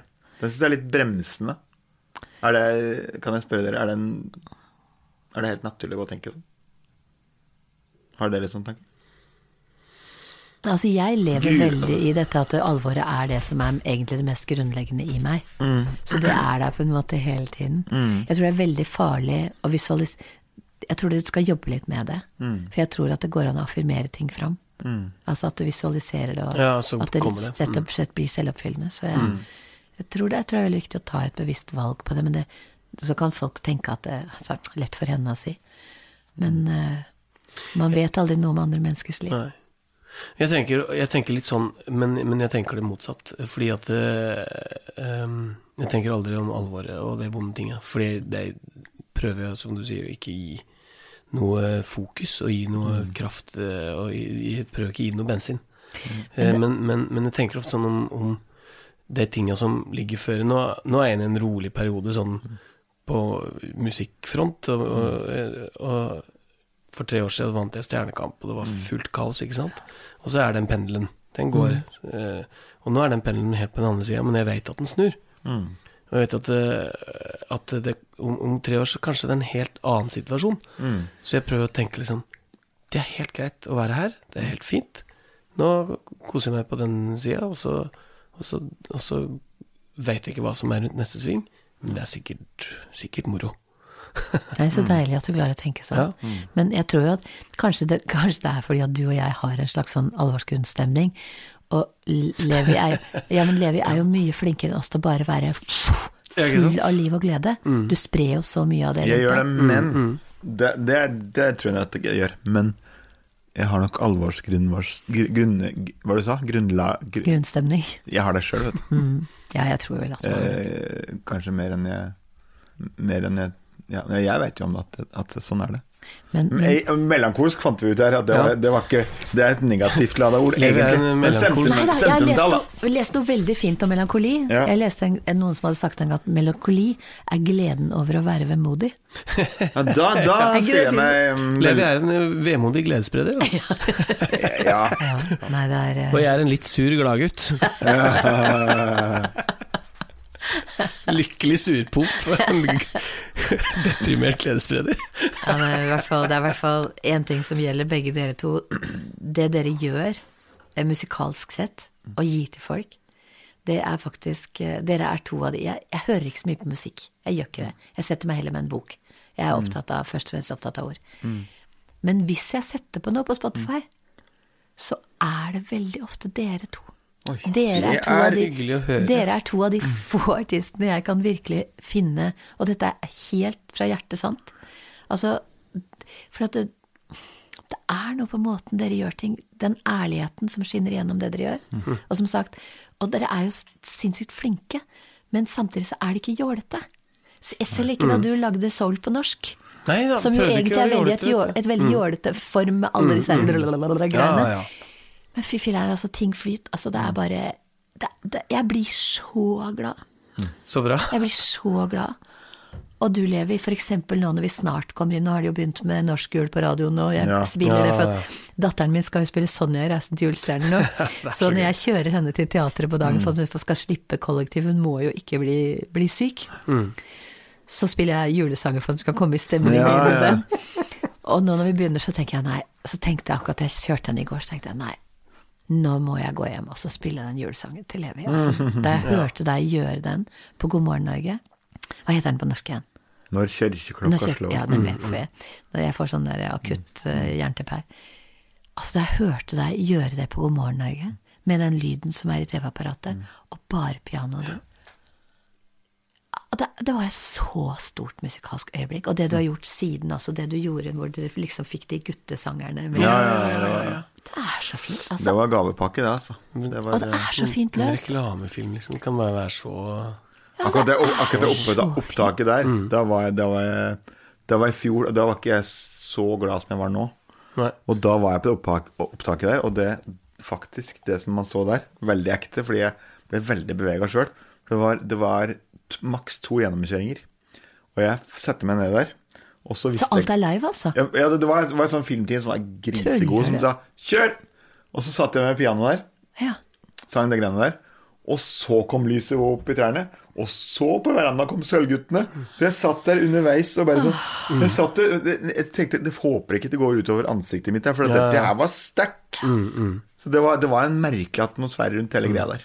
Men det kommer over også, vet du. Mm. Men så er det noe sånn basis ufattelig fint, da. Mm. Det er så flott. Og teksten er så nydelig. Det er sånn Ja. t sang som man tror ikke er mulig å oversette til norsk. Men det er jo det er Trygve Skau. Ja, Ja, ja, herlighet. Det var jo, men det var jo Shout-out for fint. Trygve Skau. Mm. Ja, veldig. Men det som var greia, var at eh, Marte hun visste at vi skulle på Blåtårn-turné. Ja, ja, det var jo Marte som hun er så genial med gaver, så hun hadde tenkt Det er kjempegenialt. Hun hadde Marte er da Levis kone, for, Ja, min kone. våre lyttere. Hun ringte Trygve Skau. Vakre kone. Og så, og så spurte jeg Jeg har lyst til å gi Levi en gave på, på farsdagen. Mm. Kunne du oversett, Nei, det er ikke sant. oversatt den sangen? Så hadde han sagt noe sånt Ja, men nå fikk jeg et påskudd til å oversette For det har jeg tenkt på før, men jeg har ikke helt turt. Jeg kan prøve. Og så, og så husker jeg at jeg sang og pratet med han etterpå. Nei, nå er det på en måte din, den der, da. Men nå har, jeg har hørt at han har liksom gjort litt den versjonen der, og det syns jeg var kjempestas å høre. Men det er veldig gøy. Det hjalp jo meg veldig sånn Det hjalp meg veldig mange hakk videre, for den, den ble så kjent, liksom. Men tenk at det var Marte. Tenk å ha Det var en gave. Hun, er gave. hun er modig, altså. Hun er modig og sykt kreativ. Ja, utrolig. Ja. Da, da, da vokste den låta enda mer, det hadde jeg Ja. ikke trodd.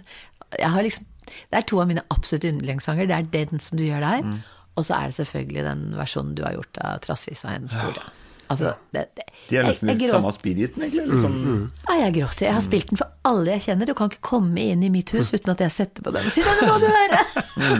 Å, det er hyggelig. Den tror jeg du satte på hotellet med når jeg, var, når jeg fikk se det fine stedet ditt i Spania. Ja. Så lurer på både begge de sangene her var innom på spillelista. Ja, ja, ja, men det er, det Så er helt husker jeg sa 'Der er ikke Sander!' Ja, Så bra. Det er så fint. Å, så det er så fint. Og jeg syns det du gjorde med den der sol, sol, Solgradi på Totning også, det er, det er stort i norsk musikksammenheng, altså. Det var liksom en sånn gjennom... Det er første gang jeg syns det har virkelig funka. Og, og den derre releasekonserten som dere hadde på Soria Moria, Ja, ja, ja. med det bandet, det var altså et sånt øs og en sånn musikalsk opplevelse. Altså, jeg tror jeg kom alene. Jeg, jeg sto bare og lo hele tiden. For Så gøy. ja, for hvis ting er veldig, veldig bra, så begynner jeg bare å le. Ja, altså. sånn er faktisk ja. Jeg lo hele tiden. Og du koste deg. Ja, veldig. Ja, du det som hatt var på det hadde jo, det, hadde jo um, det, det som skjedde Lang historie, egentlig, men, men um, ja, jeg kom jo til det punktet du snakket om tidligere i stad, at, at nå skal jeg bare formidle tekst, og da eh, Altså, sangen blir sekundært, tekst er viktigst, og da lagde jeg Prøysen. Ja. Eh, Prøysen-albumet. Som, som bare var helt lavmælt, og ikke noe skjønnsang i det hele tatt, for å, for å bare forske i formidling. Ja. Og at tre år Altså det som skjer da, ikke sant? Når du lager et Prøysen-album Så blir du sendt rundt på turné på gamlehjem Så Ja, det du hele runden. Så- Ukevis, vet du. Helt alene på gamlehjem Så at det, altså, at det, Fikk ekstremt behov for å slå ut håret Ja, etterpå. fikk et ekstra behov For å lage den, den plata der da. Og så en lang ja, En kjempenedtur eh, etter et sånt TV-program Som jeg også var med på Som gikk ordentlig dårlig. Og så tenkte jeg nå Nå slutter jeg med musikk. Ellers så bare gjør jeg det jeg har lyst til Og ikke noe annet Og alle trodde jeg var gæren du, du kan ikke lage sånn musikk på Toten-dialekt Det er bare tull Så jeg sa det ikke Jeg sa jeg liksom jeg nevnte litt sånn i forbifarten eh, At jeg skulle gjøre det på norsk da Og Ja. på, på dialekt Så Ja, det funker nå så. Men jeg kjenner meg sånn igjen det du forteller. Fordi for mange mange år siden da jeg Jeg hadde jo slutta å synge i veldig mange år. Jeg slutta å synge i nesten ti år, jeg. Eh, jeg ville ikke mer, og jeg Du vet når man er ung Jeg slutta liksom å spille inn plater da jeg var 17. Da skulle jeg akkurat begynne å lage noe for De lagde for forskjellige territorier i den tiden. Så de, de ville lage LP med meg i Tyskland og Sverige og alt mulig. Så jeg, nei, det ville jeg ikke. Jeg likte ikke den bransjen lenger. Så jeg bare sa nei, jeg er jo insisterende uavhengig. Det sto i den samme biografien som det sto om Verbal Vøringsfoss, at jeg var insisterende uavhengig. Ja, det var jeg jo. Insisterende Insisterende uavhengig Så jeg sa nei, det vil jeg ikke. Så jeg begynte på Drammen på Nissen, flytta hjemmefra og skulle bli skuespiller. Ja, samme søren. Men i hvert fall, da jeg begynte igjen, så da jeg fikk barn, da, og fikk permisjon fra jobben, så tenkte jeg nå kan jeg begynne å synge igjen. Ja. Ja. Så jeg lagde selvfølgelig Jeg har jo bare en av og på-knapp, så jeg lagde fem LP-er på to år. Men jeg ble faktisk den mestselgende de to, to årene der, så ble jeg den mestselgende jenta i Norge på to år, da. Men det er så viktig at det kommer fra meg. Altså, Det at er så deg, sant, altså, det må komme fra Det deg. ikke kommer fra noen andre. Det, Men da liksom- endte jeg liksom opp i veldig mye ballader, og det ble veldig ordentlig, og jeg lagde jo den juleplata som etter hvert har solgt nesten en halv million, tror jeg. Men jeg hadde liksom gjort høstvis, hadde gjort sånne ting, hvis du husker den synden og elsket. Sånn. Ja, ja. Og da var jeg så lei av å gjøre sånne ordentlige, veldig sånn dypt Så tenkte jeg nei, nå må jeg slå ut håret. Og da lagde jo jeg Bobbysocks. Og jeg, jeg sa jo opp jobben min i NRK. Jeg skulle akkurat begynne på å få ferdigstilt en regissørkompetanse. Og så gikk jeg fra plateselskapet mitt, og de sa du kan ikke det, Hanne. Du er den jenta som, som selger flest plater. Du kan ikke gå inn i en duo. Jo, dette vil jeg. Så jeg slutta i jobben, gikk fra plateselskapet mitt, før jeg hadde funnet den andre sokken, eller hvem jeg skulle samarbeide med. For jeg er vel sånn, jeg følger den magefølelsen, da. Og jeg måtte bare slå ut håret, altså. Ja, ja. Og det gjorde vi jo til gangs. ja, det var gøy. Det gjorde vi så til gangs. Men det som er veldig rart, jeg vet ikke om du har følt det, eller du når dere har hatt veldig stor suksess med ting, at det er liksom din lille baby, og du tar, får det ned, du sitter med det helt blanke arket og begynner å fylle det med ting, ikke sant. Og du liksom steller med denne lille babyen og pa passer på den og bytter bleie på den og alt mulig. Ja, ja. Og så da når det liksom kommer, og så wow, og det skjedde jo med Bob Socks, ikke sant. Og det kommer liksom først én bil, og så kom det store rosa trøkker ut på veien. Og vi hadde 10 000 mennesker i, i gjennomsnitt på 36 konserter. Altså helt sinnssykt. Det kan ikke gjentas. Crazy. Og så, så er det ikke ditt lenger. Nei, nei. Det blir som andre barn. De vokser og sier takk for meg, nå skal jeg begynne på en annen Nå skal jeg gå ut og leve mitt eget liv. Og det er så rart. Ja, hva, hva føler du opp når du står i det der? Det er litt interessant for Nei, meg. jeg syns det var veldig vanskelig. Altså Den første plata til Bobbysocks syns jeg er helt fantastisk, for da var jo jeg ren diktator. Ja, ja. og, så, og så varte liksom det en halv plate til, Mm. og fra da så syns jeg det ble Det ble ikke Bobbysocks lenger. Ble det For du forventninger? må ha, nei, men du må ha den ene tanken. Og det kan være ja, ja, bedre eller dårligere, kanskje det er kjempedårlig, men det må være I all artist, artisteri så må du våge å være synlig. Du Mm. må våge å velge bort, og du må våge å At det du gjør, er tydelig. Mm. Og jeg syns Bobby Socks ble til slutt bare to jenter som sang annenhver sang. Mm. Jeg syns at det var fellesskap Altså den lyden som er av oss sammen, det var noe helt annet enn Mm. Ja. Bettan og meg hver for seg. Det er liksom Det var lyden vi, Det ble som en symbiose. Det er liksom som ABBA, at de to ja, det lager- låter så Mm. fint av det. Det blir liksom Det er så utrolig fin blend i akkurat den klangen. Og når det ikke var sånn lenger, da var jeg egentlig veldig ferdig med det. Jeg hadde egentlig tenkt å bare gjøre to plater, men så, så fikk jeg et tilbud om å lage en plate i Los Angeles med Bill Maxwell, disse fantastiske oh, musikerne fra Maxwell. Ja, så Bill ville veldig gjerne gjøre det med meg, og, og jeg eh, hadde ikke samvittighet til å gjøre det uten å ta med Elisabeth. For selv om plateselskapet mitt ville helst ha en, en soloplate med meg, og, og alle sammen, jeg brukte liksom lang tid på å si jeg kan ikke reise til California uten å ta med Elisabeth. Altså, for den tiden så var det stort å reise dit og jeg skulle gjøre ting, og med verdens beste musikere. Så jeg gjorde det. Men jeg, vi hadde en fantastisk tur, men selv om den platen er veldig fin, så, så tilhører den ikke meg på samme måte. Og jeg, innimellom så er jeg lei meg for jeg ikke lagde den plata som jeg kunne ha gjort alene. For da ville jeg ha reist dit, jobba med dem, gjort det på norsk, og brukt de samme fantastiske koristene. De som, for de som kora for oss, var jo de samme som har sunget for Madonna Like a Prayer og Ja, Crouch. Man in the Mirror. Ja, de folka. Mm, De folka. Rose Banks og Tata Vega som var med. ja, ja? Og de beste sangerne i verden. Og da, hvis jeg da hadde reist hit og gjort det som soloplate, så skulle jeg gjort det med det kompet, norske tekster, og med den koringa på norske ting. Og jeg tror fremdeles at det hadde blitt en det hadde blitt en plate som var annerledes igjen. For jeg liker å komme med ting som er som ingen andre har gjort før. Og det var det med Bobbysocks også. Det er så lett å se tilbake på det og tenke ja ja, det var jo enkelt, det var jo bare å gjøre sånn. Det er ikke Nei, enkelt å ikke begynne det. fra ingenting. Og, bransjen bare ja, akkurat. Ja, og så fikk jeg lagd logo, det hadde aldri vært gjort med et band i, i Norge før. Altså, det var veldig mye som var Og jeg syns det er så gøy å finne på noe helt nytt. Og dette har ikke gjort, det vil jeg gjøre. sånn. Eh, Og det var typisk at da jeg var ferdig med Bobby Socks, da hadde jeg slått ut håret lenge nok. Ja. Så da lagde jeg jo den mest lavmælte platen jeg noensinne har laget med, og kom fram på Spellemannsprisen. Bransjen trodde jeg hadde tørna. Og sang verdens mest alvorlige sang som Bjørn Eidsvåg hadde skrevet meg, som heter En liten pike leser ansikt. Tolker ord og tonefall. En liten pike har blitt eh, et eller annet i en verden av krystall. Verden er så stor Ja, den, den, er, den er veldig veldig sørgelig. Det handler om barnemishandling, egentlig. Uff. Og bare med et strykekvartett ut der og helt Og bransjen satt med haka ned på brystet. Har hatt tørna. Nå har den suksessen med Heisan og også. Men jeg må gjøre det, for da var jeg der. Du var tro mot deg sjøl. Jeg må gjøre det som er sant. Jeg må det. klarer ikke å gjøre ting som ikke er sant. Så får det være kommers eller ikke kommers, men det er det som er sant. Altså, Fuck det, for det eneste som betyr Altså, det skal, det skal, det skal bety noe, det skal vare evig. Det skal ikke, det skal ikke være, være liksom en kalkulert suksess fra en eller annen algoritme. Nei, og, det, og så handler det om en ting til. For jeg har jo vært, en, jeg har vært to år på rad nå mentor i Stjernekamp. Og jeg syns det er så gøy. Du har sagt så fine ting der, Å, takk som er skal helt du ha. nydelig. Jeg syns det er Og så viktig. morsomt.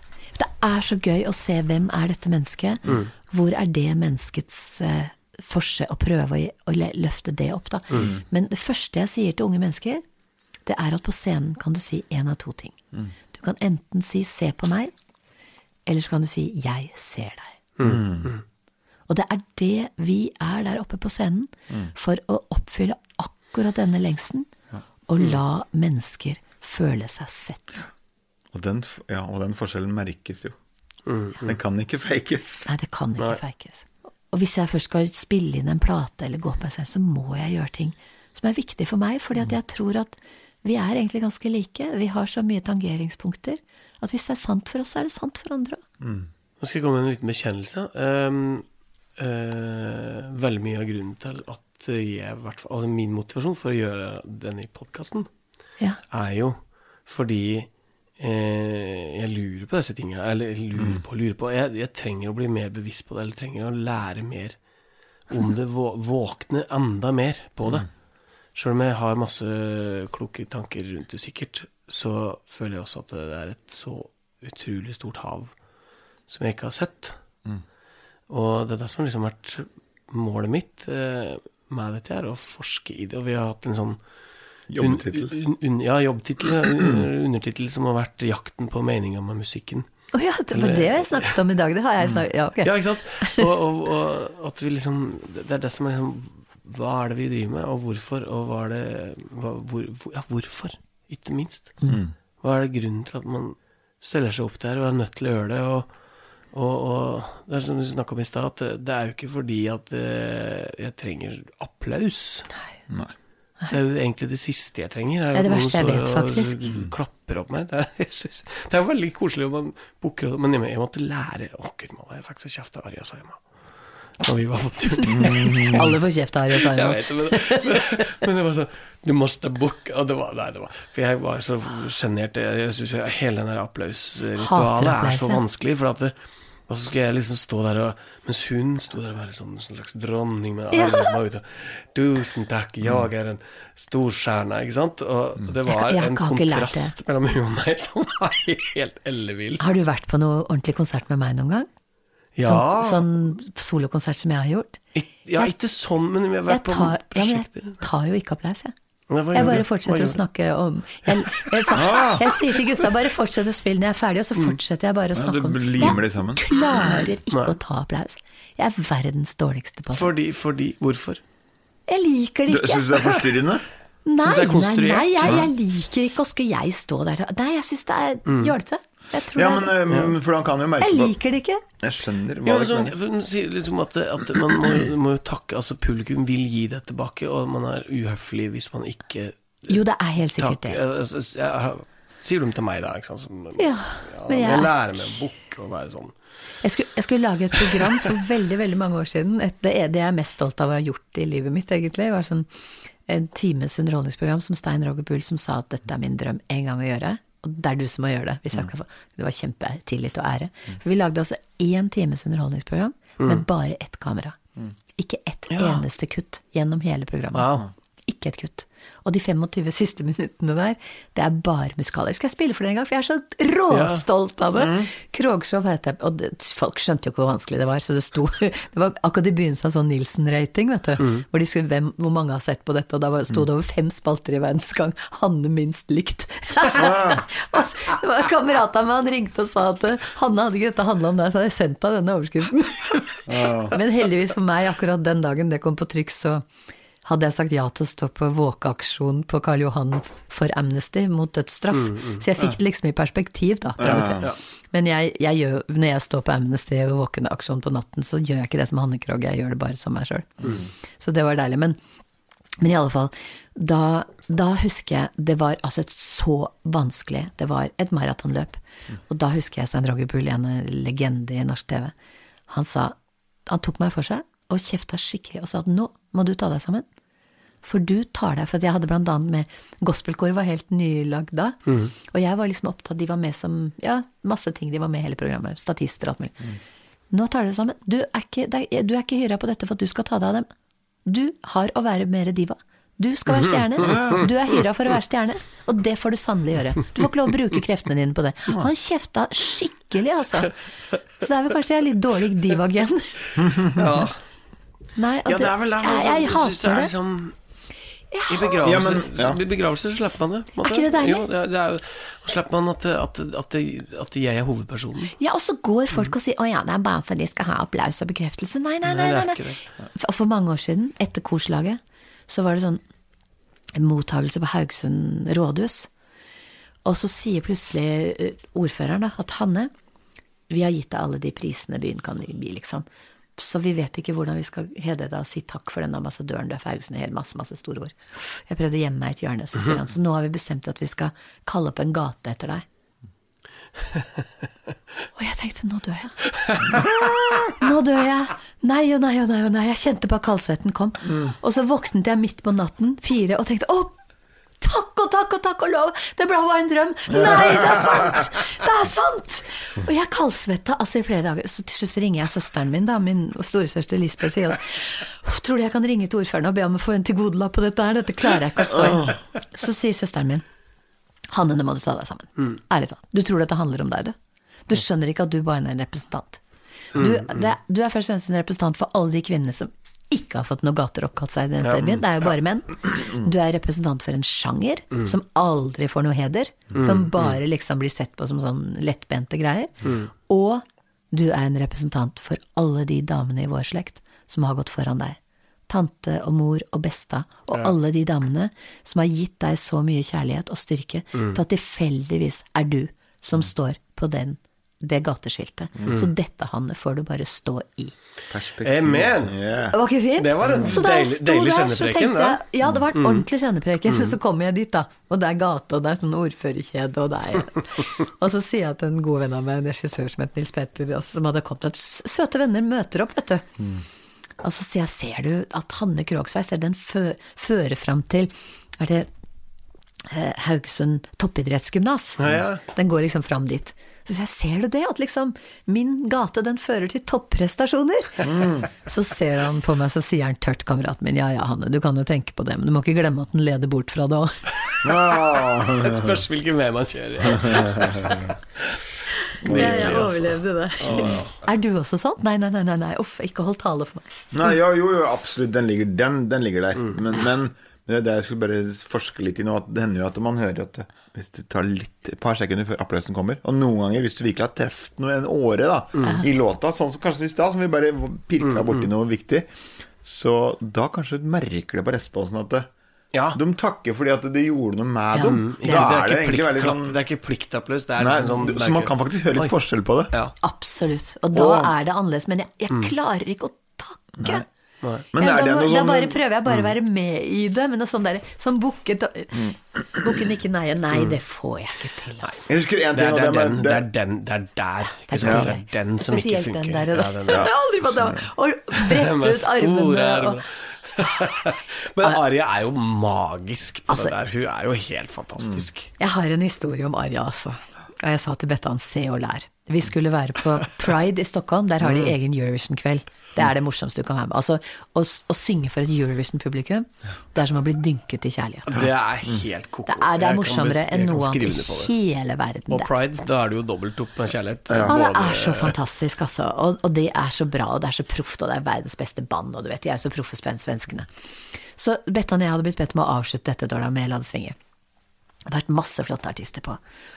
Og så, og så skulle vi gjøre La det svinge, og så var det av, og så var det på igjen. Så var det, kom alle artistene ut og gjorde en encore på La det var superstemning. Ja, for det var året som La det svinge hadde vunnet. Det var ikke det året, men det var. Mm, det var, det var fremdeles stor, stor stjernestatus rundt det.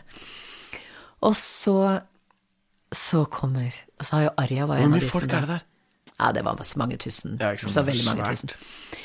Så, så skal alle av musikerne gå av scenen, og alle går av scenen og plukker med seg trommeslageren, tar med seg stikkene sine, og ikke sant? De Mm. går av scenen. Så er det sånn catwalk ut. Og der kommer Arja Sayama. Så går hun ut Oi, der oi. og börjar synge helt a cappella. For hele disse folka Mm. tar med seg mikrofonen og sier 'Høgt over havet', som den sangen Ja, spiller. ja, ja. Og folk Hennes Grand Prix-låt. hennes Grand Prix-låt. Og folk, hun får jo folk med seg. Så alle vi andre, vi må bare plukke alt sammen igjen og gå ut og stå og være Og koret ja. hennes, ikke sant? Ja. Så jeg sa til Vettan, se og lær. Mm. Slik blir man. Det er sånn Vil ni se stjärna? Ja. Se på meg. Fantastisk, Helt altså. ubetalelig, altså. Så hun er rett og slett i helt andre enden, hun, altså. Hun er, ja. Det er, det er veldig lærerikt å være på tur med hun, altså. Eh, På alle båter. Du er nysgjerrig på en ting, Hanne Krogh. Hvis, hvis, altså, hvis Hvis du hadde en kirkekonsert, Ja. og så får jeg titte inn liksom, i vinduet bak der, har du ritualer før du går på? ja, jeg har faktisk Kan, det. du, kan vi få høre bitte litt om det? Altså Spesielt på kirkekonserter så er det veldig spesielt. For, at, eh, for eksempel på julekonsertene, da, Mm. hvor Stein, magiske Stein Austrud Han er magisk. Ja, han er magisk. Altså, da han sitter alltid og spiller noe, og så kommer Tarjei Nysted med, ikke sant. Og det er alltid noe vakkert musikalsk før det begynner. Han er magisk òg. Ja, de er, altså jeg har jobbet med dem nå. I fjor så hadde Stein og jeg 25-årsjubileum for 25 julekunstturneer på rad. Så da fikk han gullklokke. Og han begynte jo å gråte, han er jo så lettrørt. Han, er- han, er- han er et geni. Ja visst. Og da, da setter jeg meg helt bakerst i kirka, hvis det er noe å sette seg på. Og så, mens gutta da begynner å spille, så bare åpner jeg hendene, og så lukker jeg øynene, og så fyller jeg med meg lys. Faktisk så har jeg et sånt bilde av Dette har jeg aldri fortalt noen eh, sånn offentlig før, men jeg har et bilde av faktisk at selveste Jesus står med en sånn mugge med gullys.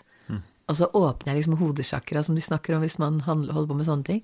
Og så bare renner det lys inn i meg.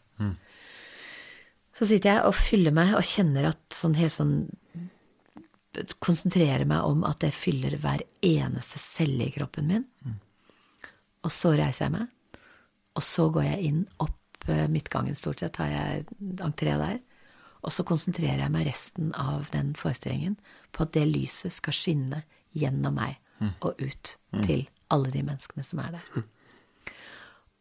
Og jeg fikk en veldig rar gave av noen som absolutt ikke visste hva jeg tenkte, for mange år siden.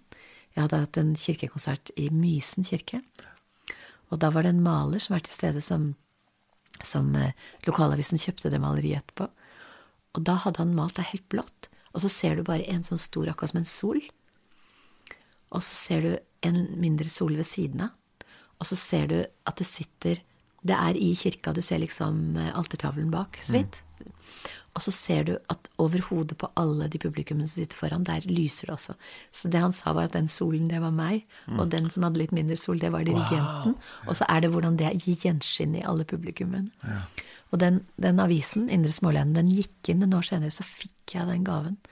Det bildet i presang. For at de hadde jo kjøpt det. Og det har jeg hengt sånn at når jeg våkner om morgenen, så ser jeg rett på det bildet. Wow. Og så tenker jeg at det må jeg huske nå. At jeg skal fylle meg med lys. Mm. Men aller viktigst så er det før jeg går ut på, på scenen. Mm. Og da, for da får jeg liksom fokuset riktig sted, da. Og det klarer du nesten hver gang, å være såkalt grounded. Føler du at det er Nei, jeg, jeg, har jo veldig, jeg er jo veldig lite jorda, så jeg må jo finne på noe for å klare å være Ja, ikke sant? For det er Bare eh, komme ned og få, Mm. opp- få pusten i normal At du ikke puster fra halsen opp, men at du Mm. puster med hele kroppen din. Liksom. Og da, når du fyller deg med noe sånt, så blir det jo ikke så farlig. Altså, det er jo ingenting som kan gå gærent.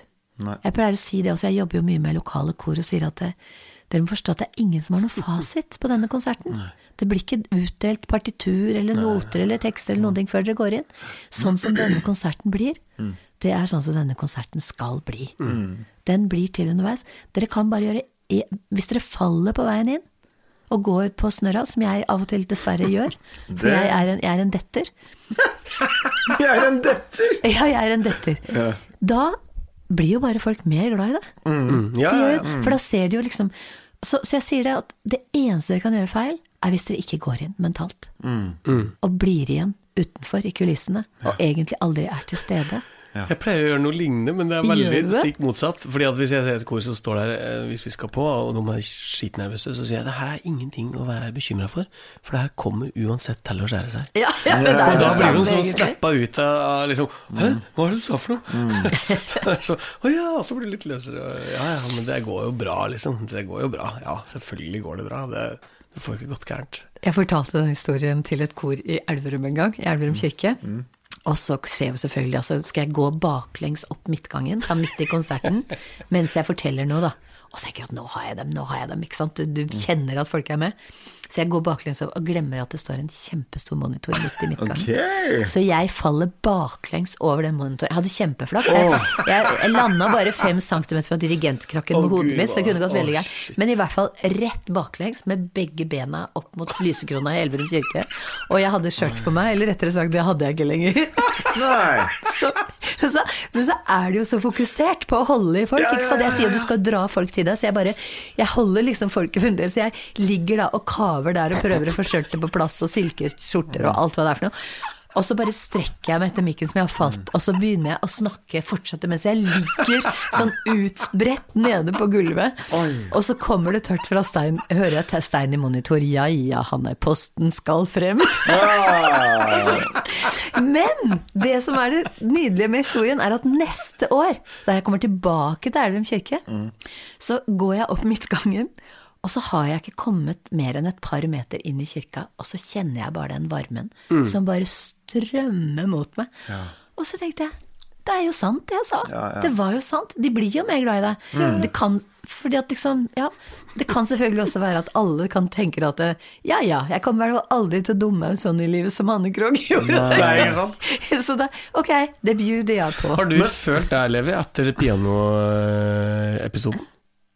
Jeg vet ikke om du har sett det klippet? Nei, jeg har Det, ikke det er det, oh, nei, det- det morsomste var, eh, klippet på internett. Det er kanskje det Ja, det er nok eh, ja, nei, det, Det ligger på min page, hvis du vil scrolle ned eller gå på video inn på min Ta det når page. du kommer i kveld, så, så, så sjekker du det. så ser du det. Det er rett og slett bare Hva er det som skjer? Vi- hvor, kan, hvor finner jeg det? Hvor, i- Hvis du går på min page på, på Facebook, ja. Og så Og det ligger ikke så langt ned på sida? Nei, det er på, på videoer, så hvis man går inn på Ja. videoer og så scroller litt Det er Ja. hvert fall, Jeg kan forklare det, da. Eh, Det er rett og slett eh, Vi synger eh, og spiller julekonsert. Jeg står og synger. Ja. Deler av jorden. Og det er liksom siste nummer, og det er helt sånn her magisk. Og eh, siste verset, ikke sant, så er det så er det englene sang den først for markens hyrder. Ja. Skjønt fra sjel til sjel i lød. Og så akkurat der, på det punktet der, Ja. så modulerer jeg opp. ja, du gjør det noe så forferdelig. Fred over Ikke sant? Jo, og det er- da det er utrolig kult. Det er det som skjer akkurat i det øyeblikket som jeg synger 'fred' På, på på slaget, så slår Levi enda litt hardere enn det pleier på piano. Jeg er så inspirert. Og pianoet går rett i gulvet. Og jeg spiller meg nedover. Fingra bare forsvinner ned på gulvet. Det er, det er helt, helt vilt. Men Det er jo fantastisk. Du burde, legge, du burde sette sånne merker at det alltid ligger I år skal jeg det ut den sjøl òg. burde jeg gjort altså. Jeg det jeg måtte synke jeg jeg, jeg jeg jeg. brukte to år på å bearbeide Levi. for Jeg sa nå, vi, må, vi må legge det ut. På Jeg, et jeg er glad for tidspunkt så må det ut. jeg føler at det jeg spiller ganske fint før der. Ja, det, ja, det var kompromisset at jeg la ut såpass mye av, av Men også musikken. på akkurat på forhånd. Deilige jorden, liksom. Det er Ja, ja, ja, altså, det, var, det var sjanseløst. Altså, vi lo i ti minutter eh, hele vi klarte å plukke Vi fortsatte. Vi plukka den opp igjen. Ja, det, det, det Hvis det er av interesse gøy, for noen som hører på, så kan jeg si at jeg av og til har med deg stativet ut igjen. Jeg hadde kasta det stativet mye også, hadde jeg vært der. Jeg har en sånn, det er vel ingen som hører dette, men jeg må vise dere dette er fra en type sånn kirkekonsert som jeg har, da. Ja. Og så har jeg sagt tusen takk, tusen takk. Jeg har faktisk akkurat sunget Vår beste dag, tror jeg. Jeg tror det er noe sånt nå. Så jeg må sette på lyd her. Tusen takk.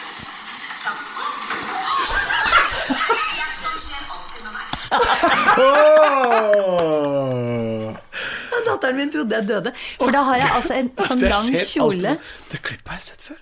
Jeg har lagt ut en gang. Du har lagt ut? Mm, jeg har lagt oh, ut en gang. Og det, da er det liksom Jeg har sånn lang kjole som er glatt på innsida, og så går jeg ned den trappen, ikke sant? Ja, ja, ja, for, å prøve, for jeg er jo alltid så liten i kirker at ingen ser meg jo. Så jeg har liksom gått opp i en sånn trapp opp til prekestolen, egentlig, på på prekestolen. Og så sklir jeg på det glatte stoffet, og så bare går jeg rett ikke sant? Jeg faller ned den trappen, og du hører folk si Å, det er fordi det var datteren min som tenkte hun skulle ta opp noe som mamma kunne se. Ikke sant? Hun trodde jeg døde. Og før du har Sånn skjer alltid med meg.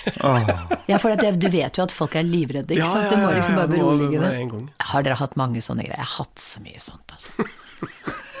Jeg er en detter. Ja, jeg er det. Jeg er en Er det det siste ordet i dag, eller skal vi Nei, har vi det siste ordet blir det som Thomas Ruud sa en gang. Du vet, Hanne, sa han. Grunnen til at du faller hele tiden, det er fordi at du har alltid tankene utenfor deg selv. Jeg, Hanne, jeg faller aldri. Jeg tenker bare på meg. ja. Nydelig. Ja, det er nydelig. Nydelig. Det ligger mye kompliment i det. Men jeg er en detter.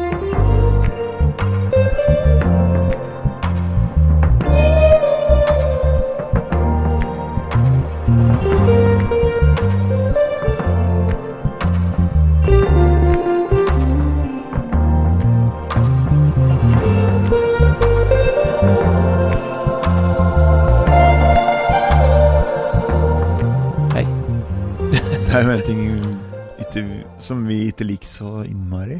Det er det verste vi vet på, på konsert og sånn. Men um, vi har jo dette, Vi har jo ingen inntekter på podkast. Og vi liker ikke å lage Vi liker å ødelegge liksom, altså lage reklame. Derfor så Ja. lager vi den der eh, lille reklamen her etter jingle. Men så, Ja. så har du kanskje sett at det har jo hatt litt tid. Ja. Um, og det er fordi vi har jo et Vipps-nummer Ja. som det går an, hvis du vil. Det er jo virkelig ikke noe Ikke noe press, ikke noe tvang, ikke noe uh, eh, Dette er ikke. Eller du kanskje skulle gjort det som en sånn kollektpreken? Lagd en sånn pad under, og så hatt sånn Du vet det, vet du, at uh... Kan ikke du prøve på nytt igjen nå?